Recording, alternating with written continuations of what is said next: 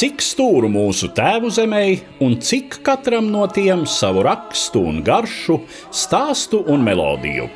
Raidījumu ciklā Stūru stūriem es, Eduards Liniņš, pieskaros Latvijas vēsturisko zemju un kultūru vēsturisko teritoriju identitātei sarunās ar šīs identitātes zinātājiem un kopējiem.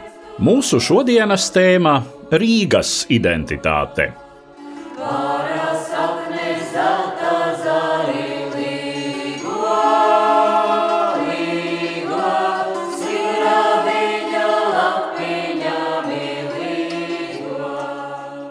Labdien, cienījamie klausītāji!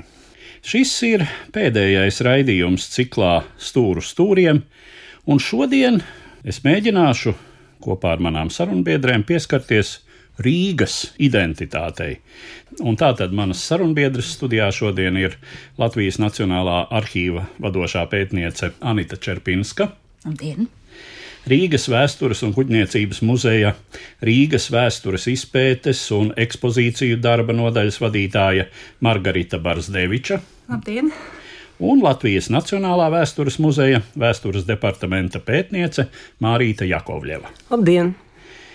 Līdzšinējos šī cikla raidījumos es aplūkoju gan Latvijas vēsturisko zemju, gan kultūru vēsturisko teritoriju, identitātes, un, protams, arī tām daudz vietā ir senas saknes, bet nu Rīga ir īpaša droši vien ar savu vēsturisko mantojumu un ļoti izteiktu, izvērstu identitāti, kas pilnīgi noteikti ir vecāka par Latvijas identitāti, ja mēs domājam par Latviju kā valsti un arī Latviju kā vienotu geogrāfisku nojēgumu Un eh, es gribētu sākt ar seniem laikiem, eh, jo, kā zināms, šī vieta pie Daugavas, kā tirdzniecisko sakaru vieta, ir, eh, kā zināms, bijusi jau pirms oficiālā pilsētas dibināšanas gada. Šī vieta ir bijusi zināma tiem tirgotājiem, jūras braucējiem, kuri darbojās šeit Baltijas jūras austrumu piekrastē. Bet ko mēs konkrētāk par to varam teikt? Tik seniem laikiem, protams, nav daudz saglabājušies vēstures avotu. Senākais pieminējums rakstiskajos avotos ir no 1198. gada, bet šeit cilvēki dzīvoja jau izsenis. Mēs labi zinām, ka Rīgas pilsēta apvienoja sevi vācu apmetni un arī līvu ciemus. Tā tad ir tāds zināms vietējo iedzīvotāju un ienācēju konglomerāts, kā viņi īsti sadzīvoja. To mums stāsta tikai chronisti. Kā mēs arī labi zinām, tas, kas tiek rakstīts, nevienmēr atbilst arī simtprocentīgi patiesībai. Bet nu, ir skaidrs, ka šeit ir gan draudzība, gan naids, izdevīgums no abām pusēm. Viss, kas pienākas. Tas, ko es savulaik esmu dzirdējis arī sarunās ar arheologiem, ka šeit, Daugavas leitecē, ja runā par pēdējiem eh, Latvijas senvēstures gadsimtiem, nu tas tātad ir 11. un 12. gadsimts, ka šeit ir salīdzinoši maz ieroču atradumu, ka ir daudz tirdzniecības inventāra, bet eh, salīdzinoši mazāk nekā, teiksim, Gaujas basēnā vai kur augstāk pa Daugau tādu mantu kā zobenu vai būtu uzgaļu atrasts, kas nozīmē, ka šī teritorija varētu būt jau tobrīd bijusi tāda savstarpēji droši vien nerakstītos līgumos iezīmēta kā maiņas sakaru un zināmā mērā tāda demilitarizēta teritorija. Nu, Daugavas ceļš uz Grieķiem, viens no atzariem gāja pa Daugavu. Tas jau vien liecina, ka tas ir tiešām ļoti sens tirdzniecības ceļš un ka šie sakari bija ļoti seni un arī ļoti plaši. Tā tad uh, izdevīgāk bija tirgoties nekā karot. Kad īsti Rīga sāk nostiprināt savas robežas, mēs tā īsti nezinām, taču jāatgriežas tomēr 13. gadsimtā, tātad 1225. 26. gads, kad, kā zināms, ir strīdi par Rīgas pilsētai piederošajām teritorijām apkārtnē Rīgas lauku novadā. Šie strīdi ir gan ar biskupiem, gan ordeni, un rezultātā tiek nospraustas pilsētai piederošās zemes teritorijas. Tātad šie divi ar Modenas biskupa palīdzību noslēgtie līgumi, kur tiek sīk noteikts Rīgas patrimoniālā apgabala robežas. Un būtībā tas iezīmē tādu pilsētas varas teritoriju, kura plešas ap pilsētu, kura nodrošina pilsētai nepieciešamo iztiku. Tur pilsēta iegūst malku, iegūst, teiksim, meža materiālus, tiek audzēta pārtika. Tur arī dzīvo šie zemnieki, zvejnieki, kuriem ir sadalīts noteikts lomu vietas gan Ķīša ezerā, gan Juglas ezerā un jo īpaši Daugavā. Un šī robeža tiek eh, kontrolēta un uzturēta līdz pat 19. gadsimta vidum, kad arvien vairāk šī teritorija tiek iekļauta Rīgas pilsētas teritorijā. Un Rīgas pilsēta ļoti iestājas par savu teritoriju. Zemes īpašums, pilsēta, nocietinājumi. Tas viss arī veido tādu Rīgas īpašo statusu, Rīgas identitāti. Kāds ir stingri ņemot Rīgas status viduslaikos un jauno laiku sākumā? Salīdzinot ar citiem brīvpilsētu variantiem, mēs zinām šīs Vācu ķēzarvalsts impērijas brīvpilsētas, pār kurām vara ir tikai ķēzaram un dievam, un abi ir gana tālu. Rīgai laikam īsti tik liela brīvība nav. Nu, Rīgai bija tāds diezgan īpatnējs stāvoklis, jo ņemot vērā visu Livonijas vēsturi, Tātad pirmkārt tā ir tirgotāja apmetne, kas tātad pretendē uz savām tiesībām un uz savām brīvībām. Otrkārt tā ir arī administratīvās pārvaldes centrs, tātad Rīga, Livonijas metropole, Rīgas arhibīskapija, kas ir viena no spēcīgākajām šīs Livonijas sastāvdaļām, un Livonijas ordeņa valsts, kas ir pirmā spēcīgākā Livonijas sastāvdaļa. Un abi šie varas nesēji konkurē savā starpā Rīgas pilsēta savukārt mēģina izmantot šo konkurenci starp abiem zemes kungiem. Dažbrīd ir, kā saka, kad ir viens kungs, dažbrīd ir abi kungi Rīgas pilsētē, bet Rīgas pilsēta nemitīgi mēģina no tiem abiem atbrīvoties un ar mainīgām sekmēm šad un tad tas arī izdodas, tad ir pavisam šis ļoti īpatnējais brīvības periods no 1562. gada līdz 1582. gadam, kad Rīga tiešām it kā atradās brīvpilsētas statusā. Lai gan patiesībā tā nepiedarēja nedz Romas impērijai, nedz arī bija oficiāli atzīta no varas nesēju puses, bet uh, Rīgas pilsēta nebija parakstījusi līgumu ar Polijas karali. Savukārt Livonija jau bija sabrukusi, 20 tā saucamie brīvgadi bija ļoti interesants periods Rīgas vēsturē. Un ar ko tas galu galā beidzās? Galu galā beidzās ar Rīgas padošanos Polijas karalim Stefanam Batorijam, kurš savukārt apstiprināja visas Rīgas pilsētas privilēģijas un arī īpašas tiesības tirgoties eh, Daugavas leitecē. Tātad Rīgas pilsēta padevās, bet iegūstot diezgan lielus labumus. Varētu piebilst, ka arī turpmākajos gadsimtos, tātad 17. un 18. kā zināms, Rīga gan padodoties Zviedrijas karalim Gustavam Adolfam 1621. gadā, gan kapitulējot šeit Krievijas armijai, būtībā centās panākt maksimālu labumu, lai tiek apstiprināts visas pilsētas senākās tiesības un privilēģijas, tad jo tālāk, jo švakāk viņiem klājās. Jo gan Zviedri noteica savus ierobežojumus, gan arī vēlāk Krievijas valdība arī solīts makā kā nekrīt, teiksim tā. Nu jā, un tas jau arī bija laiks, kad uh, Eiropas valstis kļuva arvien centralizētākas. Tādu stipri autonomu pilsētu neviens īsti negribēja paciest.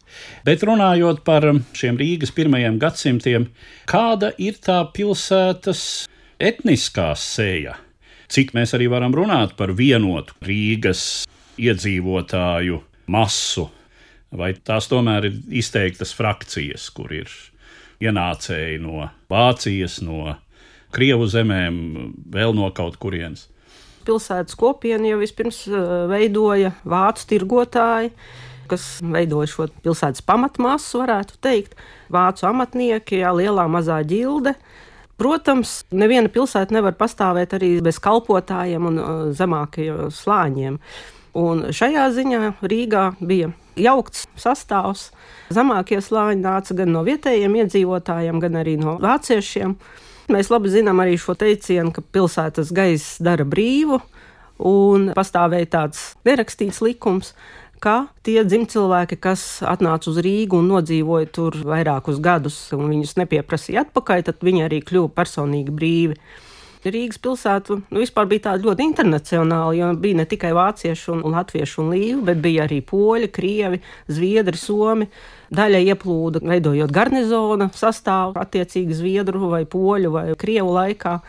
Daļa ieplūda vienkārši kā iedzīvotāji no dažādām zemēm jo gan visa Baltija, gan arī Rīga bija pietiekami attraktīva vieta, kur varētu veidot kādu jaunu karjeru. Un arī 17. un 18. gadsimts ir pietiekami mobili gadsimti, kad iedzīvotāji jā, pārvietojās pa visu Eiropu un meklēja labākas dzīves vietas. Un Rīgā bija ne tikai teiksim, vietējie tirgotāji, bet bija arī tā saucamie komisionāri, dažādi ārzemju tirgotāji aģenti, kas apmetās uz uh, dzīvi pilsētā uz ilgāku vai, vai īsāku laiku.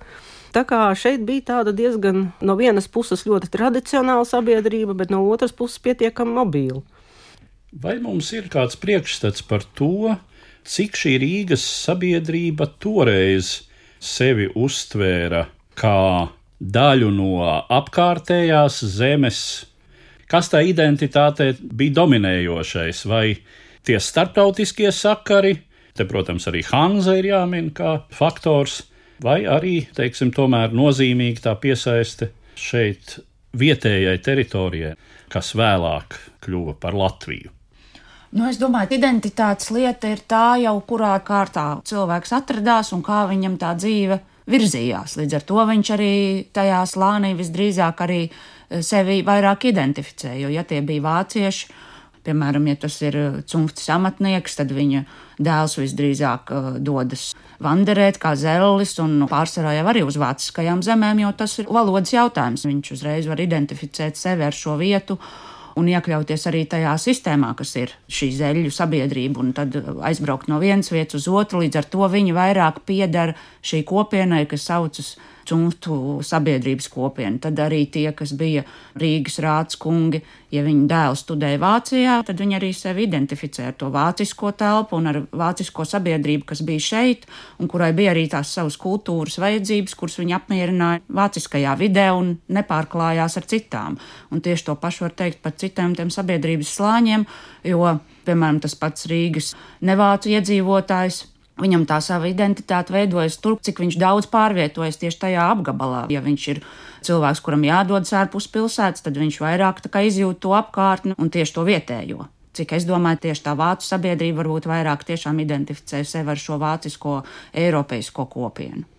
Savukārt krievi visdrīzāk arī par cik viņi šeit veidoja tādu noslēgtāku vidi, jo viņiem vajadzēja komunicēt ar citiem slāņiem tikai tajā brīdī, kad vajadzēja tirzniecības lietas nokārtot, bet viņi neintegrējās viens ar otru šie slāņi. Līdz ar to viņi arī visdrīzāk saglabāja to savu identitāti gan reliģiskajā jautājumā saistīt ar pareizticīgo vai ar vecticībnieku kopienu, un līdz ar to arī valodas ziņā paliekot krieviskajā vidē. Tas ir tāds klišejisks priekšstats, ka Rīga kā svešķermenis Latvijas teritorijā, kā jau uz to skatās tā pavisam negatīvi. Nu, tā ienācēja dzeguzes ola, kas te ir iedēta un tad nu, izpletusies un varbūt kādus izgrūdusi no tiem pienākošamies pērkļa. nu, bet tādos kara briesmu gadījumos tieši vidzemes un apkārtējie zemnieki, kur viņi bēga, ja draudēja briesmas, viņi bēga uz Rīgu, lai paslēptos šajā Rīgas cietoksnī. Tas bija gan poļu zviedru karā, kad bija šie uzbrukumi, bēga uz Rīgu, cerībā šeit rast aizsardzību, un tas pats bija arī lielā ziemeļkara laikā, ka vidzemnieki bēga uz Rīgu, jo viņiem šeit bija drošība viņu izpratnē kas arī ir viens aspekts no tā, ka Rīga tomēr kā liels un aktīvs centrs, ar kuru neizbēgami bija saiknes gan Daugaus labajam, gan Daugaus kreisajam krastam, bija tas mezgls, kas sēja kopā Latvijas teritoriju un caur kuru notika pakāpeniska latviešu zemju integrācija jau par kaut kādu vienotu veselumu. Katrā ziņā Rīga bija viens no tiem centriem, kur tiešām satikās zemnieki no diezgan tālas apkaimes, kas sabrauc uh, regulāri Rīgā uz tirgu, un ir liecības par to, ka tiešām šie zemnieki brauc daudz tūkstoši pajūgu. Tātad iedomājieties tās masas, kas te ieradās, un katrs ar katru komunicē, un kāda šeit kūsāja dzīvība. Tieši tāpatās arī, teiksim, Krieviem pat no tālākām guberņām Rīga bija peļņas vieta kuri ieradās šeit pa Daugavu ar strūgām, jā, vedot gan dažādas preces, gan vienkārši koku materiālus. Tad viņi paliek šeit pārziemot viena daļa, otra daļa sāk nomāt dārziņus Rīgas apkaimē, ja tā saucamie kāpostu dārzi. Tos uh, lielāko tiesu iekopa un uzturēja krievu tautības iedzīvotāji, kuri pēc tam šo ražu pārdeva un ar iegūto naudu atgriezās pie sevis. Un jāsaka, ka Rīga ar kāpostiem esot apgādājusi ne tikai pati sevi, bet arī ir vesta diezgan tālu uz kurzemi pārdot. Tā kā Rīga tiešām bija tāds ļoti liels saimnieciskais un arī savā ziņā, protams, kultūras centrs, lai gan, teiksim, laika biedri atzīmē, ka Rīgā grācijas un mūzas neīpaši labi dzīvojušas. Tomēr šeit bija arī teātris, šeit bija biedrības, šeit bija balles. Tā kā šeit viss notika. Ja vēl piebilstot, ja par rīzniekiem un Rīgas identitāti, tad es ieteiktu ieskatīties brocas zīmējumos, kur ir redzami rīznieku visi tipāži, gan šie krievu tirgotāji, gan strūdzinieki, gan ienācēji lietuvieši, kas te arī tirgojušies ar kaut ko, jo viena daļa, kas statistikā figurē kā ienācēji no Polijas, tie bija tepat tās kaimiņa lietuvieši, kuri arī apmetās gan kā kalpotāji, gan šajās priekšpilsētās ar dažādiem dažādiem amatiem nodarbojās. Tā kā tas spektrs bija diezgan plašs. Rīga dimde, Rīga dimde, kas to Rīgu dimdināja?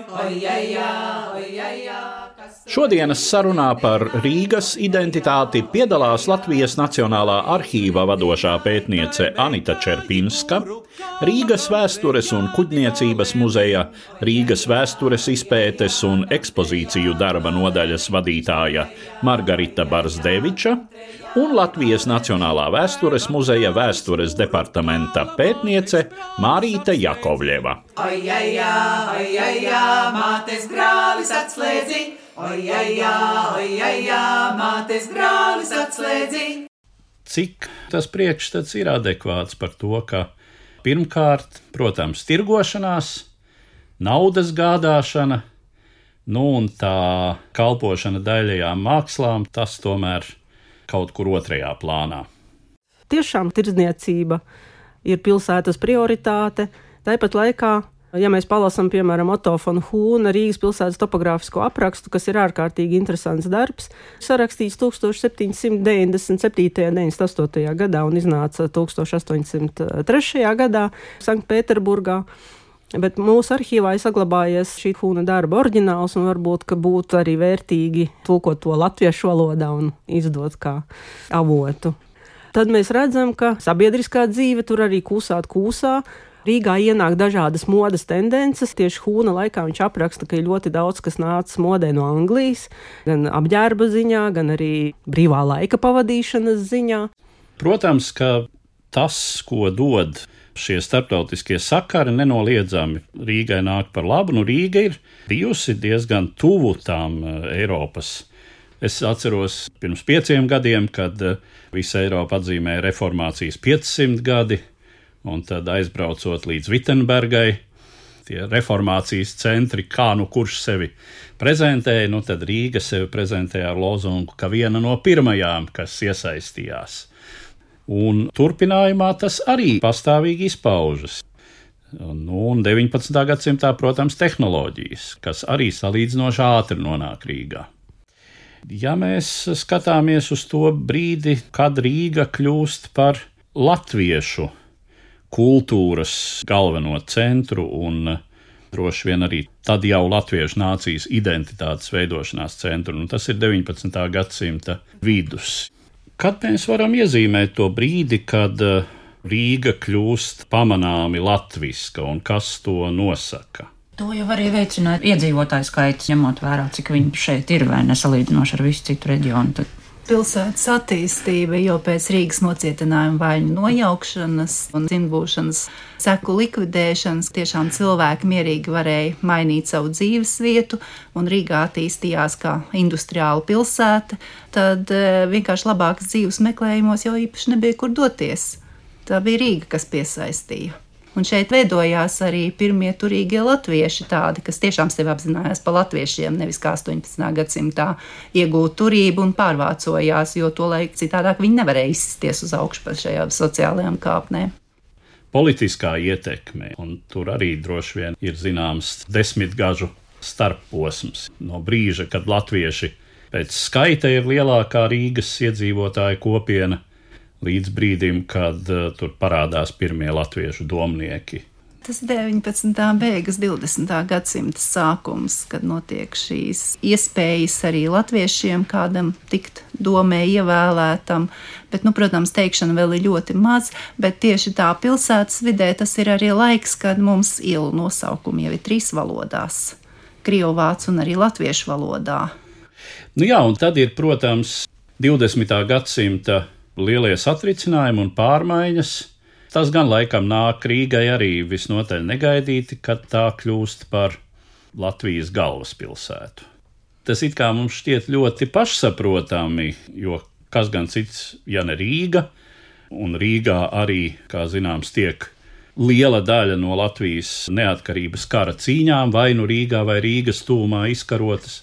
Ja mēs paskatāmies uz Rīgu 20. gadsimta sākumā, vēl Krievijas impērijas laikā, protams, kā jūs jau teicāt, ļoti strauja attīstība, un tad Pirmā pasaules kara, revolūcija, impērijas sabrukšanas rezultātā cik nozīmīgs ir tas lēciens, cik Rīga tiek apgriezta kājām gaisā šai pārmaiņu laikā. Tie jāņem vērā visi kara darbības postījumi, jāņem vērā tas, ka 1915. gadā Rīgas rūpniecības vērtīgākā daļa, viss, ko var pārvietot, tiek aizvest uz Krieviju. Nozares, kuras var iztikt ar vietējo tehniku, kas ir palikusi, piemēram, ļoti spilgti ir stikla rūpniecība, ļoti strauji uzplauka Rīgā tieši pēc Pirmā pasaules kara. Tāpat arī šī fabrika Fēniks, kas ražo metāla izstrādājumus Bet būtībā arī 20. gados ir tendence, ka gaida, ka pavērsies austrumu tirgus, un tad viss būs tāpat kā pirms kara. Man liekas, ka tā identitāte arī tieši tāpēc viņai bija visai jāpārmainās. Tāpatās kā nu, Latvijas valstī bija jāsākās no nulles, gan arī tā arī tā Rīgai bija jāsākās no nulles un jāveido viss no jauna. Jo gan ekonomika ir nograuta, gan tīri fiziski pilsēta ir sagrauta. Līdz ar to viņas tā atjaunošana arī nu, mainīja to iedzīvotāju. Viņi taču daļa bija izbraukuši, daļa bija kur paklīduši, ne jau visi atgriezās. Ja mēs skatāmies uz tādām vizuālām iezīmēm pilsētvidē, tad, eh, nu, ja tā pirms Pirmā pasaules kara un revolūcija Rīgas zīme, protams, jā, jūgenstils un šie greznie kvartāli, bet, protams, arī rūpnīcu korpusi, kas joprojām ir redzami, Tad eh, starpkaru perioda neatkarīgās Latvijas Rīgas tā spilgtākā zīme, manuprāt, ir centrāla tirgus. Tā tad vieta, kur eh, sevi reprezentē tā brīža Latvijas saimniecība un Latvija kā tomēr pamatā agrāra valsts. Jā, bet tāpat laikā neaizmirsīsim, ka Latvijā pirmoreiz tiek arī nodibināta universitāte, un tā ir tieši Latviešu universitāte, kas tiešām pārmaina šo Rīgas savā ziņā identitāti, kas ļauj ieplūst jauniešiem no visas Latvijas Rīgā, ja, un kas tiešām arī paver ceļu uz labāku dzīvi, par ko sapņoja jebkurš tēvs un jebkurš saimnieks, kas savam dēlam cenšas nodrošināt izglītību. Un arī neaizmirsīsim to, ka jā, ir nodibinājusies pavisam cita valsts, un Rīga tagad kļūs arī par galvaspilsētu šī vārda vistiešākajā nozīmē. Tātad valsts pārvaldes orgāni atrodas Rīgā, Saima, prezidents. Un neaizmirsīsim arī Ulmaņa veikumu. Mēs varam teikt, pēdiņās, ne pēdiņās, bet vecrīgas pārveidošanai, kas no viduslaicīgās vācu pilsētas centās padarīt pilsētas centru par modernu, tam laikam atbilstoši arhitektūras tendencēm veidotu pilsētu. Jautājums, vai tas ir labi vai slikti, mēs varam dažādi vērtēt, bet šīs pēdas mēs redzam vēl joprojām, un mēs arī atrodamies tādā mājā, kas tapusi pēc ulmeņa idejām. Tieši šī mājas daļa gan ir projektēta un sākta būvēt vēl pirms Pirmā pasaules kara, pabeigta 20. gados. Bet viss doma laukums, nu jā, jā, kur jā. mazo ieliņu un namiņu muģekļa vietā tika izveidota plašāka telpa un uh, vieta, kur arī vadonis var tikties ar tautu. Vienam tas šķiet zināms barbarisms un uh, pagātnes vendēšana, Bet tā bija tāda tiešām saprotama tendence mazliet atkratīties no visas tās pagātnes un apliecināt šeit latviešu klātbūtni. Domājot par to, nu kā tad Rīgai ir klājies 20. gadsimtā, tad uh, tie pārbaudījumi ir bijuši no vienas puses gana lieli, un otrais pasaules karš vēl vairāk paposta pilsētas centru, un tad nāk padomju gadi, kas no vienas puses ir graujoši un, un mainās radikāli iedzīvotāju sastāvs, un mainās sociālā struktūra un visa šī ekstensīvā padomju industrijas attīstība šeit, kas neko labu, protams, pilsētai nenes īsti, bet um, no otras puses Rīga ir tie padomju rietumi. Un uh, kaut kas tāds tomēr atšķirīgs. Nu jā, un vēl padomu laika arī būtībā pazemināja Rīgas statusu, jo jau Ulmaņa laikā pilsētas vadoni tā arī dēvēja par pilsētas galvu, un bija dokumentos rakstīts šī galvaspilsēta, tad 50. gados termins galvaspilsēta pazūd. Tad Rīga būtībā tiek nonivelēta, bišķi pazemināta statusā. Ja mēs paskatāmies uz šodienu un mēģinām varbūt domāt par to, kas Rīgu varētu sagaidīt šai identitātes ziņā turpmāk, Un kas no būtiskā pagātnes mantojuma ir tas, kas ir mūsu potenciāls šodien? Nu, laikam šī daudznacionālā kopā sadzīvošanas tradīcija, jo Rīga mums paliek ar vienu krāsaināku. Arī pilsētas centrā skan ar vien vairāk dažādas valodas, kas nebija padomu laikām raksturīgs. Tā kā būtībā Rīga mainās un paliek ar vien daudznacionālāka. Jā, un droši vien tas ir tas, ka Rīgai nav jāprot tiešām ar tādu dažādu ietekmju un dažādu elementu sakausēšanas situāciju. Tāda tā ir bijusi vienmēr, par to nav jāuztraucas. Es domāju, ka tā tas būs arī turpmāk.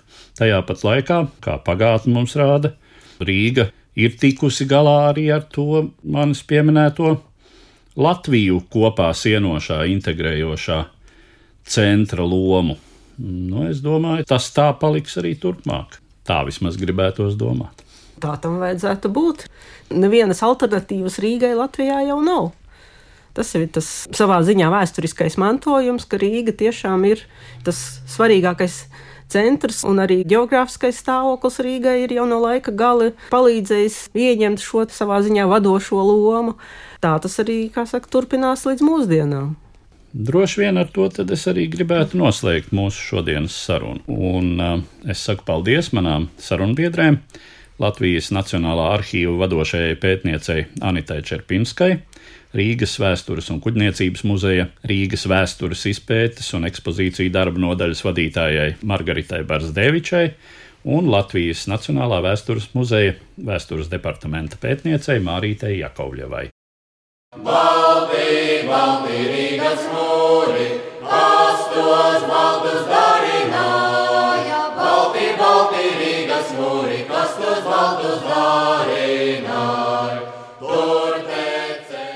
Latvijas vēsturisko zemju un kultūra vēsturisko teritoriju īpatnējā identitāte Eduarda Liniņa sarunās ar šīs identitātes zinātājiem un kopējiem.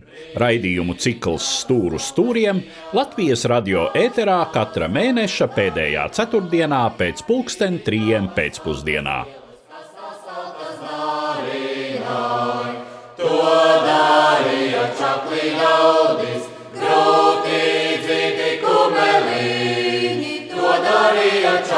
Jaunis grūtīs įtikūmē.